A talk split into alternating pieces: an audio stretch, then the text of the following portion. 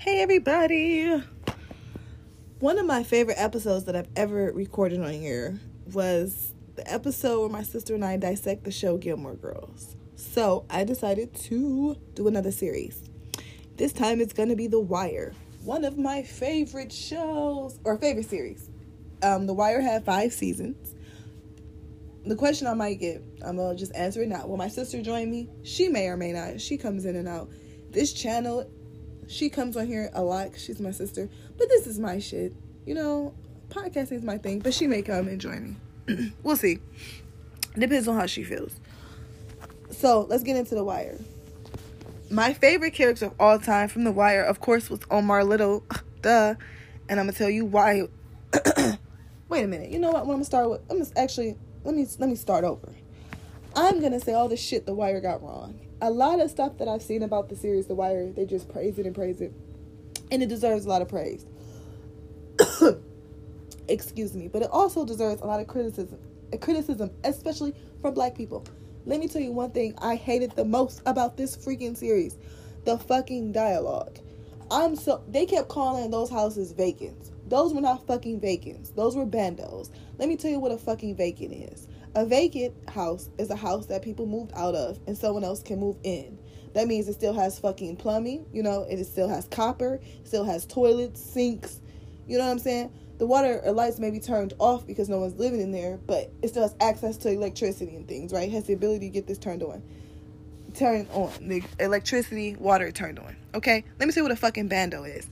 A bando is a house that usually has no fucking copper, no motherfucking uh, toilets, all the copper thieves, toilet thieves, all the people that scrapping all the shit and came and took took the shit right out of here. Sometimes they don't even have fucking stairs and ceilings and shit. Like if you step through a floor, you might fall through the to the basement of the building. It might be a structure, but they definitely shouldn't call it a fucking vacant because no one needs. If anybody's living in that house, their um, Snoop and them took took them there to kill them. Okay, they're not alive anymore. They were living when they walked in this bitch. That's so to call house that they could keep uh, bodies, dead bodies in, vacants would mean that when somebody came back to occupy the home, they would see the dead body, right? It was an abando because nobody gave a fuck about it. They abandoned the motherfucker. That's what a bando is. Let me tell you what bandos look and smell like. For those who don't know, so bandos normally become squatting houses for people with drug problems. In Cleveland, the big the drug here was crack. Baltimore, where the show is shot, heroin is a big drug there. So let me tell you what the what if it's still a bathtub or anything in there, right? Because there's no running water, there's no electricity. They may run a line from like the power source from the outside, so you might have some electricity. But there's no water, there's no electricity, there's no nothing like this. So your food and everything to stay somewhere fresh will stay outside. That was a refrigerator. What do people shit, piss? Well, if it is a toilet, you even though you can't flush the motherfucker, you shouldn't still piss in it. You shit, piss, and in the sink as well. Then if the people are on drugs, if it's steps and stuff, you start shitting and pissing on that, right? So imagine what that fucking smells like. And usually it's not just one abandoned house, it's several.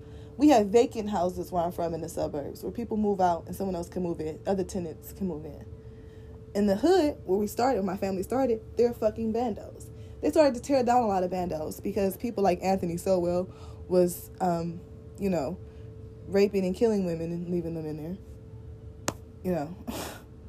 So I mean that's what in Ohio, what in Cleveland, Ohio, what, what the bandos look like here. So I can imagine in Baltimore what type of shit you can find in bandos. So the wire calling it a vacant. Eh. Let me talk about some of the, the, the fucking dialogue that I hated. Um, was it helped? It didn't help that they got all these foreign black actors to play black stories. So they really didn't know how to bring a lot of authenticity to it. Cause Stringer Bell, aka motherfucking Idris Elba, accent showed through. He said niggers several times when he should have said niggas, and because he's not a black American, he couldn't understand. Just his accent came through so motherfucking much, and no one seems to be bothered by that, like at all. And it bothered the fuck out of me. Idris Elba, you did not do it for me. Um, but of course, um, Wood Harris is a great actor. Wood Harris is probably the most underrated actor from the whole fucking.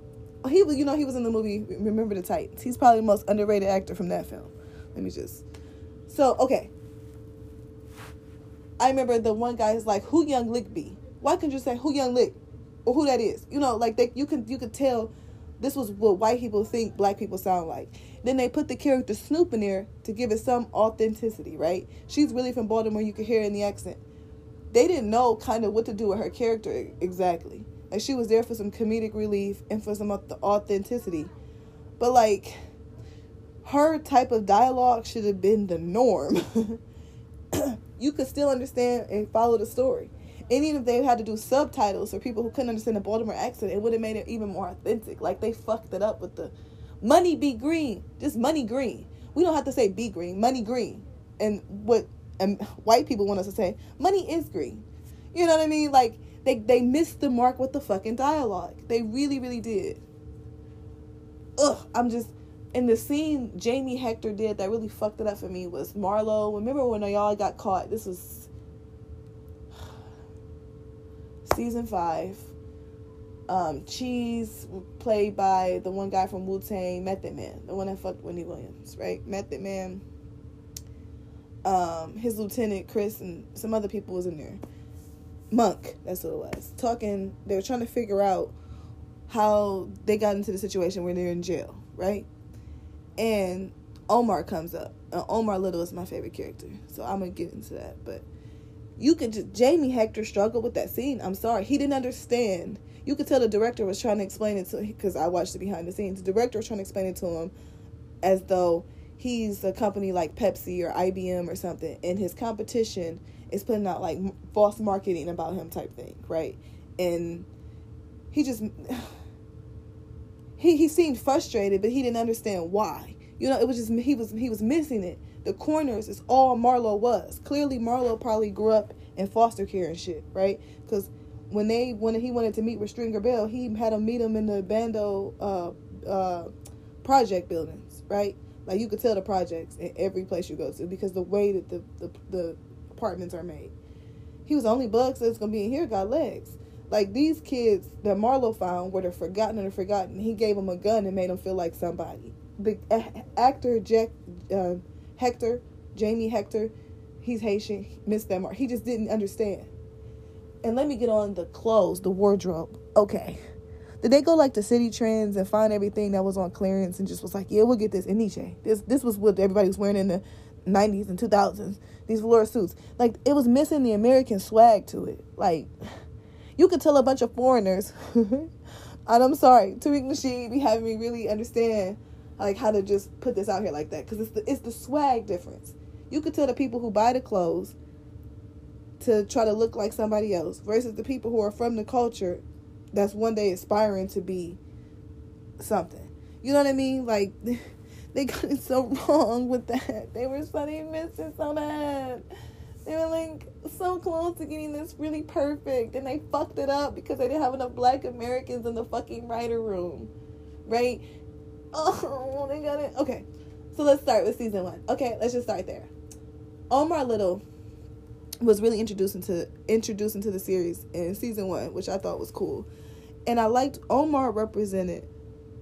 That's the one part of black culture that they kind of got right was what Omar represented, because black folks even no matter what if the drug game is going to we want to think the person can still be moral as well as be a part of the drug culture because it was a big means of making money in most cities not just baltimore. Omar represents that type of morality that we always still wish to have. I really like what they did with omar character omar's character to find that balance. But Omar, um, this this the first season, Avon was in charge of the West Side, and Stringer Bell, uh, Stringer Bell, Avon and Stringer Bell were in charge of the West Side, and East Side was ran by Prop Joe. And Avon kind of is like the the the the the street rules that I know in my generation, right? There's no shooting on Sundays. Um, you know, uh, they had the the city basketball games. You know, it was still some community outreach and shit like that, right? Avon and Prop Joe kind of represented that.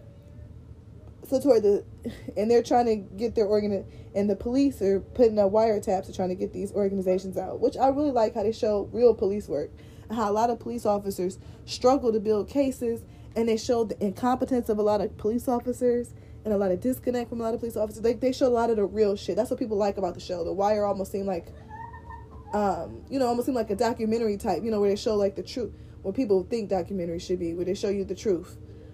more than a scripted show like Law and Order, where it's nothing like that in real life, right? The Wire was more of a compromise. I know real police officers who said this is pretty authentic to how cops actually build cases against people. Okay, so um, um, season one was setting up just all the different players, how it was setting up the game, like the chessboard, and I really like each season.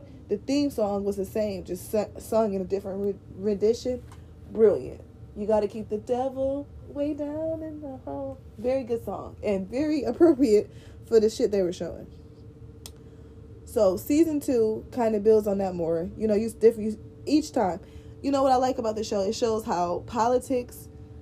I mean, they try to show how people can want to fix so-called fix things through politics, through the street corners, like how how nothing's clean. Okay, people want to say it's just the hood, it's just this. They show you how the school systems is fucked up, how the in the fifth season they show you how the news is connected to the crime and shit, how it keeps it like this. It just shows how it's one big game and all the pieces are connected. I liked each season of The Wire for doing that. Um, so season two, they move. They show more about season two, three. They show to show more of the docks and how like just not just crime and drugs are just on the street, but how it's getting into the cities and you know how the unions and stuff and are into it and how people are turning to alternative modes of money alternative means of making money because you know the city jobs aren't paying as much they, they, they just show the desperation the economy when the economy crashed how desperate the people get like it um, and then they start showing not just with black people, but with white people who live in, this, in these cities, urban cities as well, too. Because in a lot of shows, they act like the people just in poverty are the black people. Everybody's poor. You know what I'm saying? It's a lot more poor people than just us. I'm not saying everybody. It's a lot more poor people than just us collectively. And it, and The Wire does a pretty decent job of showing the diversity of uh, poverty and the diversity of corruption. Okay, so season uh, three and four, we start meeting some other characters. My my favorite season was four and five, where you met the Corner Boys, because I like how they show how the cycle of everything starts. You know how people become drug dealers, how people become like the Omar Little sticker who robbed the drug dealers, how you become part of the gang. And I like how they show kids don't stay very innocent in these cities. They start having sex young. A lot of them have been abused sexually. Uh, they show like Michael's character had been abused, and he had nobody to go to for help.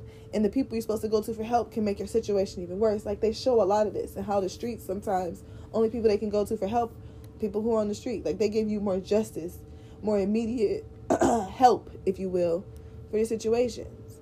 And they show like a lot of the kids are good kids at heart. And the police actually would like a lot of these kids if their jobs wasn't to arrest them. Like it was a interesting way they show relationships, right? But I gotta say they got a lot of shit wrong on the show. They really did. They got a lot of shit wrong. Okay. I just wish they would have showed more like I won't say humanity, but they kind of didn't show how these kids got to be. It's just like,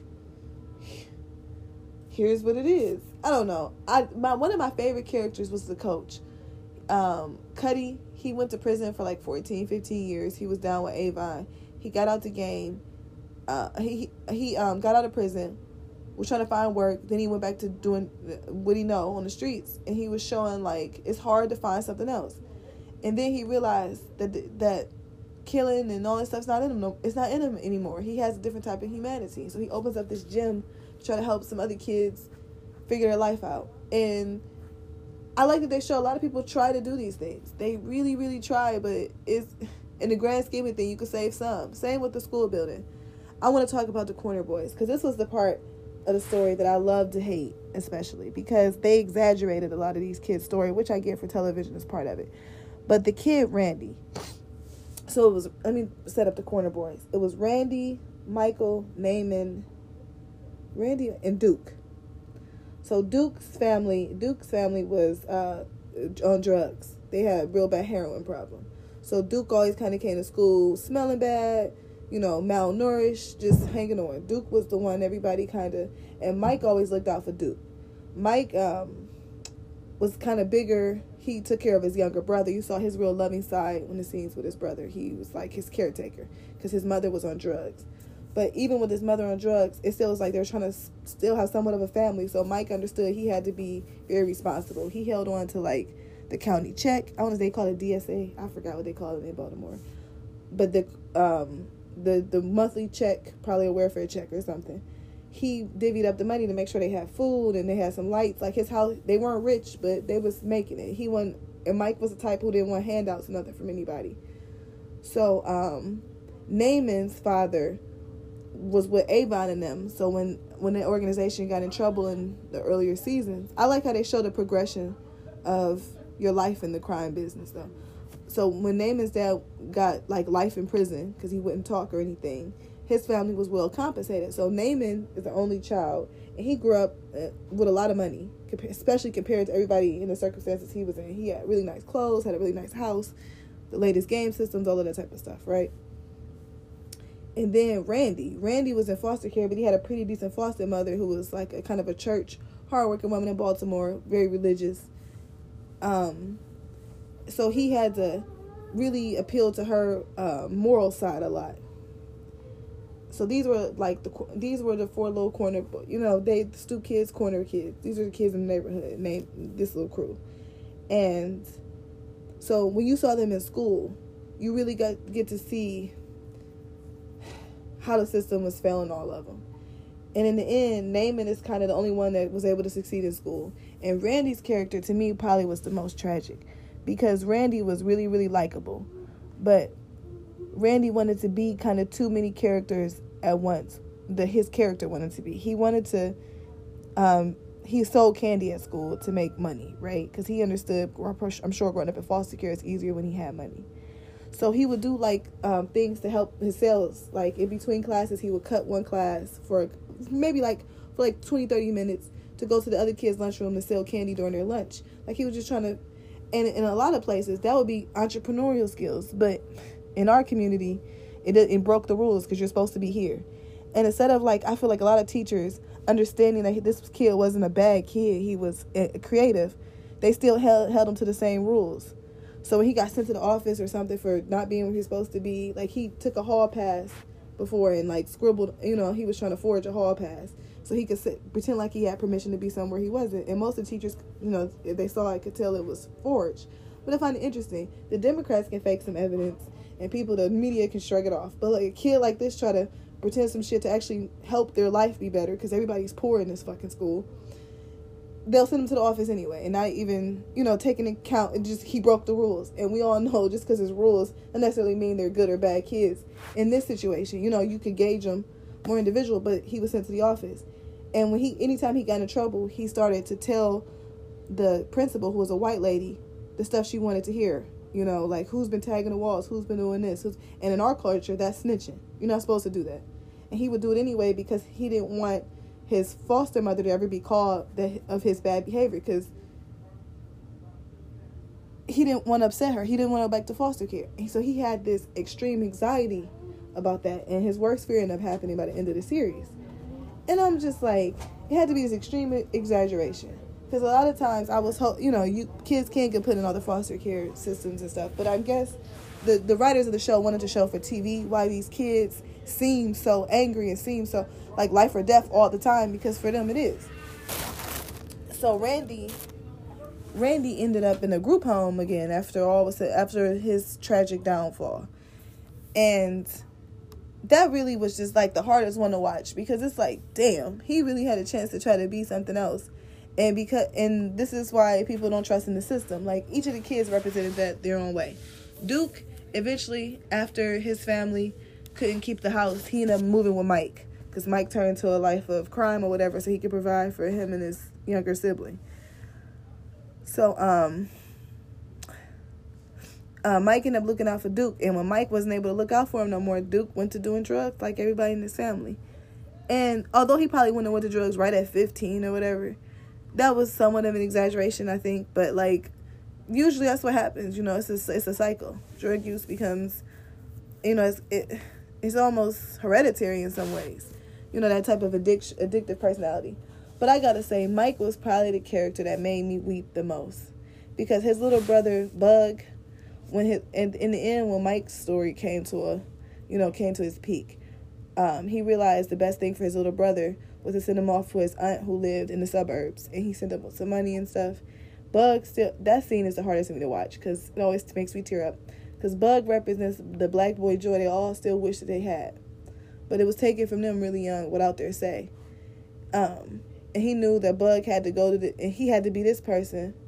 Mike had to be the person to go get the money to keep Bug in this situation. Like he had only only glimmer of hope was Bug in that whole that Mike's younger brother in that whole um, scene when he had to send Bug away the only glim- glimmer of hope was this little boy crying he was like you can't be crying you know like it was it was to see how young black boys lose their innocence sometimes was it was really captured well in that scene so i i really liked mike's character and it's clear he became the new like omar and Namond. Namond was the character that most people didn't care for or whatever, but Namond's the one that made it out. Um, he ended up moving, living with a teacher of his, who asked his father to you know talk to the the father who was in prison to talk to the mom to let him go you know to live a better life you know a different life. I won't say better because it was a different life because it was and people really came hard on the mothers in the show the wire and i didn't like how they just demonized these moms. Like they do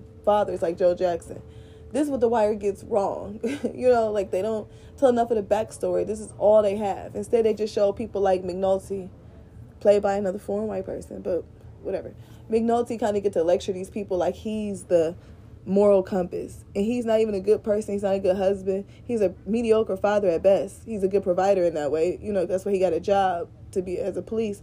But the only thing he's good at is kind of being police. And it's, and it's still like this racist undertone to me. Because the way he talks to a lot of people is like he's better.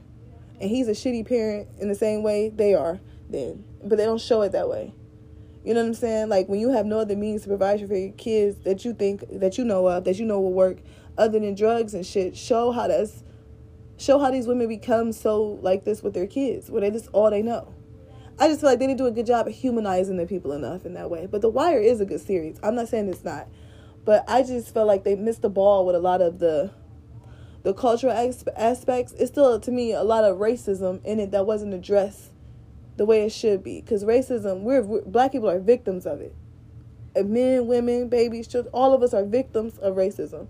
And I feel like we never get to really see that in a lot of these new age shows. Supposed to be nuances where people supposed to understand this, but they never show the white supremacy and how it created these situations where we had to fucking sell where motherfuckers like Snoop, the real Felicia, the person who played Snoop, Felicia, was in jail went to jail at 14 you know what I'm saying? How a situation like um how a situation between two girls, she was young and the other girl was young, ended up with somebody being shot.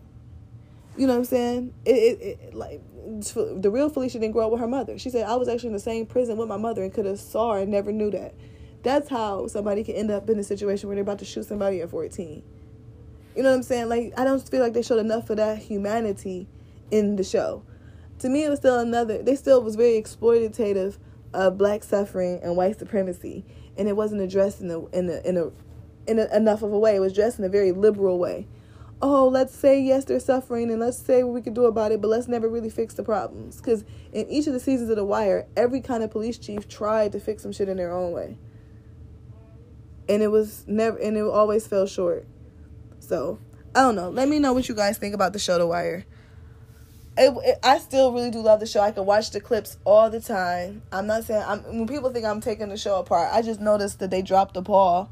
Anytime they do shit about black people, black culture, and they let a bunch of immigrants do it, it just uh, it's usually the, the styling and shit is off. It's something missing. It's gonna and it's gonna offend the fuck out of some people. So I'm here to talk about it. So I love you for listening. Let me know if you want to add to the conversation. Drop me a line. This your girl Cat. Hey everybody welcome back to my channel, my anchor channel. Welcome back. So, Michael Clark, Michael Clark, Michael K, aka Omar Little from The Wire, recently passed away. And in honor of his amazing character, Omar Little, I've been watching all of The Wire seasons one through four, one through four, one through five, um, I was watching all the clips recently from season four because I think season four is probably, I won't say my favorite season. I think season five is my favorite season because it was about the newsroom. Obviously, at the time when the show came out, the time I was watching it, when I first discovered the show, I was a journalist major, so season five was my favorite. Um, The Wire. Okay, here's what a Wire was revolutionary. I know I've, I'm adding to this because now I can focus solely on Omar's character, which I probably won't. I'm gonna make it a whole conversation. But Omar's character to me was the antithesis of the anti-hero type of situation, right? But to me, he was the actual hero. He was like the Joker. I want to say, you know, who he's who they tried to make Killmonger be, in a weird way, right? He was the one that still was fighting for the nostalgia, the neighborhood, like it was like a community. He had a code of ethics. He had a code of conduct, and it was a good contrast to like the Marlo character, the Avon character, the kingpins of the West Side and the East Side. Even though Prop Joe seemed like he had some form of ethics, but not much. You know, and in the drug game, it's hard to keep a code of contact or any ethics because you you you can't stay friends with people. You can't stay. I don't want to say in real relationships with people, but it's true. Um, in season one and two, Avon's nephew proved that you can't really have family in the game. Like family just looked at different. Everything comes down to business. It's about business. So I think that The Wire is one of the best shows that to ever showcase real life. To ever show real life.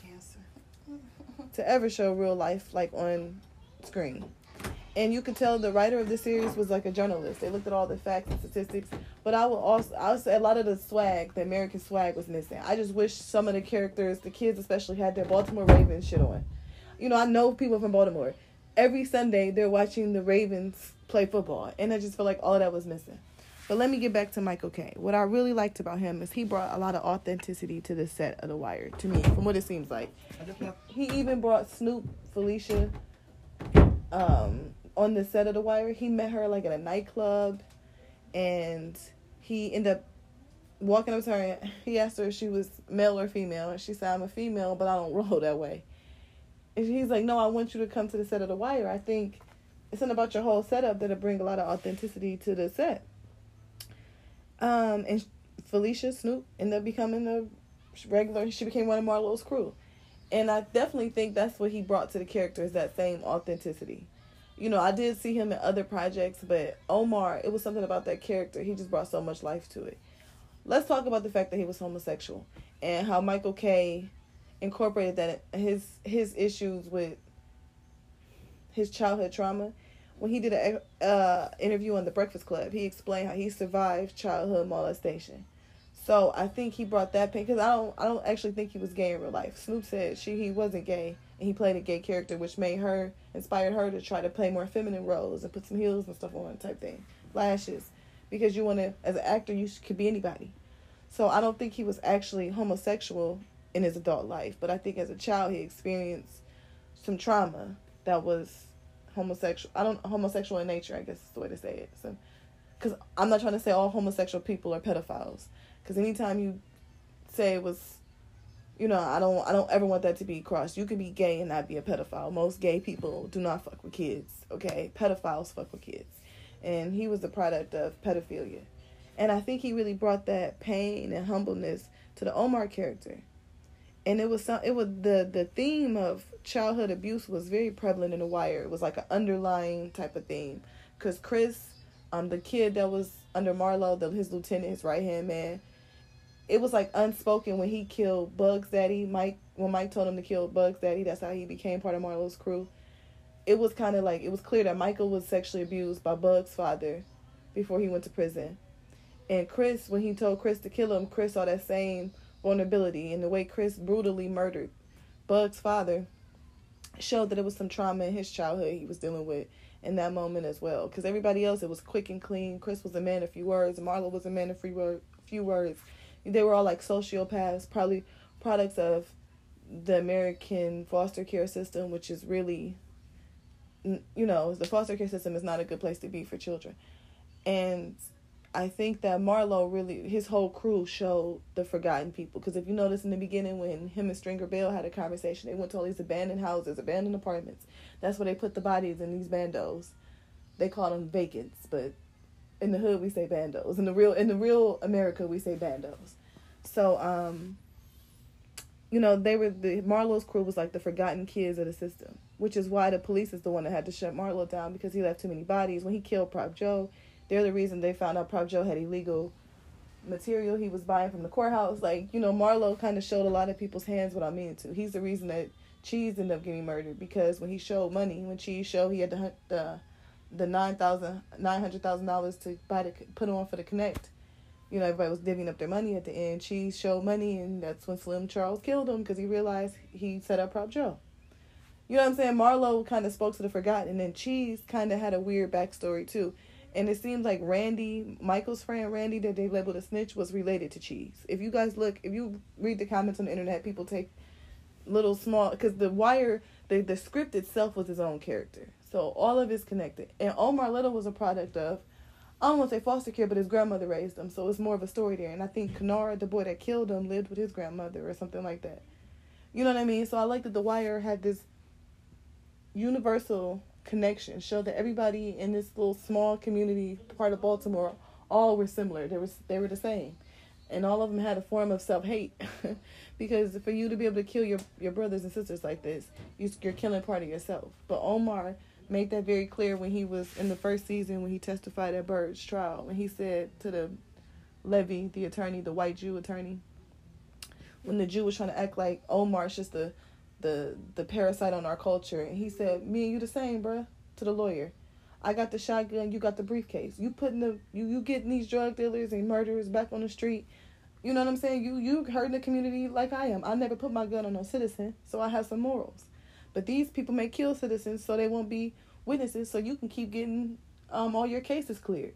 You know what I'm saying? Like it's all connected. I do like that Omar was like still the conscience that's in a lot of black communities that's in the inner that's so called in the inner city that was inner city was created by the government poor people poverty in america was created by the government it's obvious and the wire is a strong representation of that so um michael k character i don't think omar was supposed to be a recurring character all the way to season five but he just brought so much to it like his, the other young man who worked with omar to kill stringer bell brother Mouzone his character was only supposed to be like in an episode or two, but the the men brought so much authenticity to these characters that the showrunners, uh, Simon Green, the show creator, the writer, the journalist, which is why he brought the newsroom in. The newsroom is part of how the inner city is created and the stereotypes are created and carried out and maintained.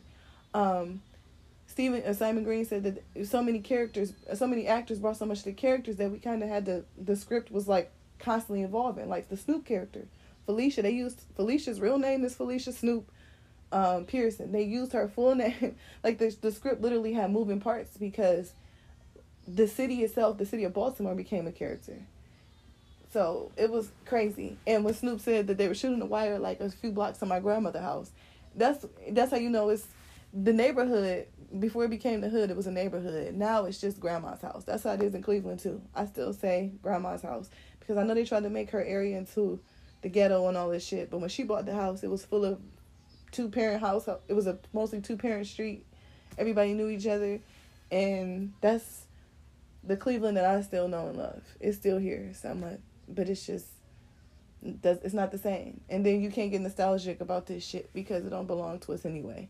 I know they love to say people live in black communities and white communities. They all look like communities ran and owned and operated by the government. Just black people living in it white people living in it. All the communities are white if the money in the banks are.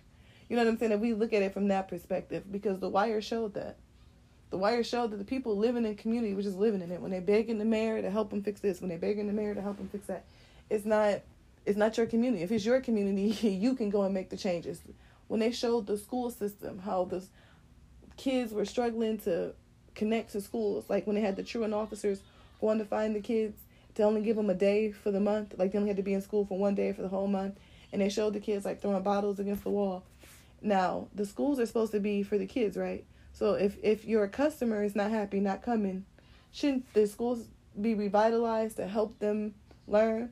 And I don't want to be like the one guy, Mr. Clark, who dueled and whipping they name with all his kids and had these promotional videos, getting all this GoFundMe money, dancing with little black kids, like they're in an episode of Fame, thinking that's the only way to educate them. Because it's kind of coonish in that too. You know what I'm saying? There's a balance to it. That's why, you know, I feel like we need black teachers and black principals and black administrations. But when the Rothschilds and the Rockefellers are the ones who own and operate the school systems, it's designed to do exactly what they needed to do. Michael becomes the new Omar. Like let's look at the corner boys, right?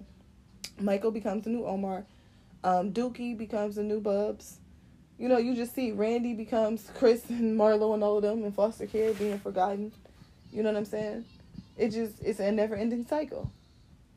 And then you got the teacher, Mr. P- Prezbo, who's was part was police, and now he wants his his conscience back. And if you hold white teachers accountable, and ask, "Are you afraid of black kids?" Because it's obvious when you when you were police with a gun and you knocked that boy's eye out, blinded him, that it was an inherent fear there. And then when they, you know, when he did the internal investigation, the black people working with him say they don't feel the same. They they don't feel like it was a racist thing. Well, of course, the racism will feel different because he works with you every day. So it becomes like this catch 22. And I feel like The Wire really helped me draw the conclusion that integration did not cure racism.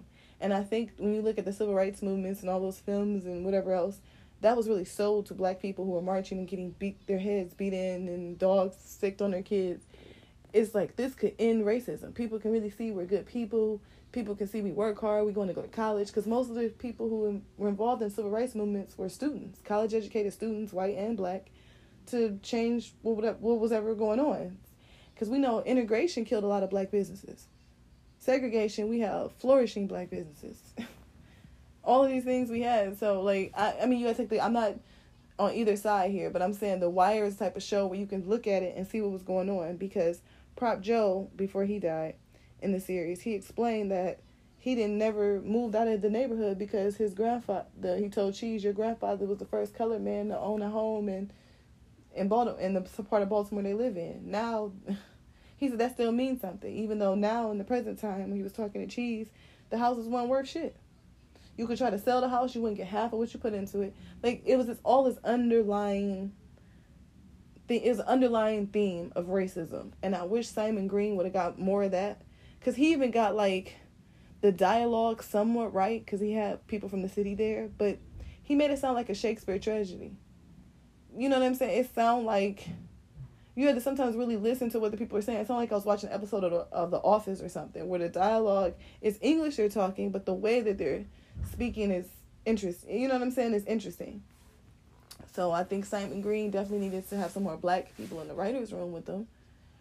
Recently, um, Jaleel White talked about this. He talked about when he first got on Family Matters how all of the writers of the show were white. He said the main character um, the mother, Mrs. Winslow, when she came into the house after a long day of work, she said, Oy vey. He's like, that's not something you hear, you know, black women saying when they get off work. They're like, you know, oh man, Jesus, my feet hurt, you know, something like that. Like it's, it's just, it's a disconnect. I mean, yes, we would know she would be tired, but the way she would express her exhaustion would not be in the same language. Like when they had Snoop call, okay, so in the one scene, Omar, um, Marlo was looking for Omar and they went to Prop Joe and said, you know, if anybody has a line to, to Omar people, let us know. And and Snoop was very clear. We looking for a line for uh, some, excuse my language, a fag he be with his mima, all that count. What black people say mima? We say grandma, Madea, big mama, n- nana, mima, all that type of shit. It sounds some shit white people would say to describe their grandparents even our grandfathers, we say papa, big daddy, big um any of this type of sh- like it's all mostly southern terms, but it's like I have never heard a black person ever call their grandmother Mima. That was from America. Like Snoop is clearly born and raised in Baltimore. I've never heard a Baltimorean say Mimo ever. You know what I'm saying? It's like that type of shit is what was really missing in a lot of this stuff. So, but overall though, they definitely got because they use so much like authenticity, like as far as the statistics with the murder rates and stuff, they did get some realness, but they just missed out on a lot of it. I was happy Omar Little was played by Michael K. Because also because Michael K. is from Philly, I think he's like one of ten siblings. You know, like he, and people might feel away when I say this. A lot of the other black characters are played by foreigners. So even like when Marlo would try to put his hat or something on as he walked out the scene, it looked it didn't look authentic. Idris Elba, you could hear his accent a lot of the times. The way he would deliver, I know people love to act like he was the best actor on there. I know he wasn't. Wood Harris was a much better actor. I did not like the way Jamie Hector kept saying Greeks. It was just, it was, ugh. I, I, I mean, it. I just wish they would find black Americans to play black Americans because we bring an authenticity of representation that black people are really really we're dying for. We were dying to be represented the way we are. And then even on the hood ghetto shit where we're where people so-called scum of the earth type shit is played, you still see the humanity in it. You see how American racism and slavery made these people into criminals, robbers, and drug dealers and thieves and all that stuff. Because they're really just entrepreneurs. And they were really were people who wanted more and, you know, they wanted money, but this was the only way they could feel like they can get money and respect because they couldn't get it in school. Like if you like Duke, who go to school and get talked about because you can't wash up every day. You know what I'm saying? So like, uh, they they the Simon Green showed that but he didn't quite show it the way I wish he would have showed it. You know what I'm saying? But it was a good series. I'm not saying the series wasn't strong. Well written series as far as capturing a snapshot of American culture. But it's still from a very whitewashed pedestal version. You know, a lot of times watching the show, you could still feel like the black people are being judged. You know what I mean? Like, or eh, not or still being let me say judged maybe still being extremely misunderstood. But a lot of people who watch the series also probably saw more than they normally would see like just on the news. I just like a lot of my friends from baltimore who grew up in the city that went to college and stuff they like they love to hate the series i feel like. They were happy that i still wanted to come to baltimore after i saw the wire. They said most people had a negative view of baltimore after the wire. I said no i saw the realness you know, because I'm from America. I just wish they would have showed like people loving the Baltimore Ravens in the city on a Sunday. You know, besides the Sunday truce, which most major cities have, where you know the the beef all go down on a Sunday out of respect. But none of that was shown. You know what I'm saying? Or the Baltimore City school kids that are doing okay enough to, you know, maybe go to John Hopkins and do programs and stuff. They're like just none of that shit was shown. It was just the extremely bad the extreme bad, the extreme bad, the extreme whatever. You know what I'm saying? So that was my critique of that. But Michael K, I always bring it back to him because he's the reason I stuck with the show because the first two seasons were slow for me. But it was something about the Omar character that kept me glued to the screen. And because they kept the storylines, because they seemed like real people, they wasn't just storyline after storyline. You know, the Brandon, when he wanted to get revenge for Brandon's torture, they made that all the way up into season three, four, where they actually come to terms with the fact that Stringer Bell lied and said brother uh, brother killed Brandon and tortured him like that, and then they find out that Stringer is the one that lied, and Stringer is the one that killed him and had him tortured. Because even Avon said kill him, you have to torture him like that. And um, Omar got his revenge. Now, what was interesting about the revenge on Stringer Bell is the Omar character was supposed to pee on Stringer, bo- Stringer Bell's body after he they shot him to death. But the actor, Idris Elba, felt like that was too much. So that's what I'm saying. That's why I didn't like the foreigners doing it. If you go commit to the fucking character, commit to it. I don't. In the streets, if you was dead, you wouldn't have a fucking opinion about how what we do to your corpse afterwards, like the boy Brandon who was tortured. I. Mm, but Michael K still brought a lot of authenticity when he said, you know, your in this last scene, your boy gave you up. He let Stringer know ain't no time for lies because it's crazy. All these gangsters and shit want to lie and plead for their lives at the end. Um, Chris and Snoop showed that a lot of people was like that. They beg and plead, they act like they still hard, but as soon as it's time for death, you see who's. I feel like the Joker. How many of your friends have I killed? When he was talking to the police officer, do you want to know which one of them were cowards? Because when you're about to, you learn a lot to somebody by seeing them before they die. You know what I mean? Like that was I did like that The Wire showed that. The Wire did a lot of shit that I liked, but it did, a, you know, fucked up a lot of shit. But The Wire gave the world Michael K's raw talent with the character of Omar Little. And the real man that Omar Little's character is based on did some cameos in the in the show. For those who don't know, he was like the heavier set guy who he met when he when Marlo tried to frame him for killing a taxpayer. He was the guy in jail who gave him the phone and Ain't nobody see shit. That guy, he's he's who the real Omar is based on, and he got killed in Monk's apartment when they tried to um, revenge Butchie's death, the blind man that they killed. So, shout out to Michael K. Rest in peace. You were a great actor. You were a great talent, and it's sad to see so many good legends go out. But um, thank you guys for listening for chatting with your girl. It's always been fun. And I'll until the next one.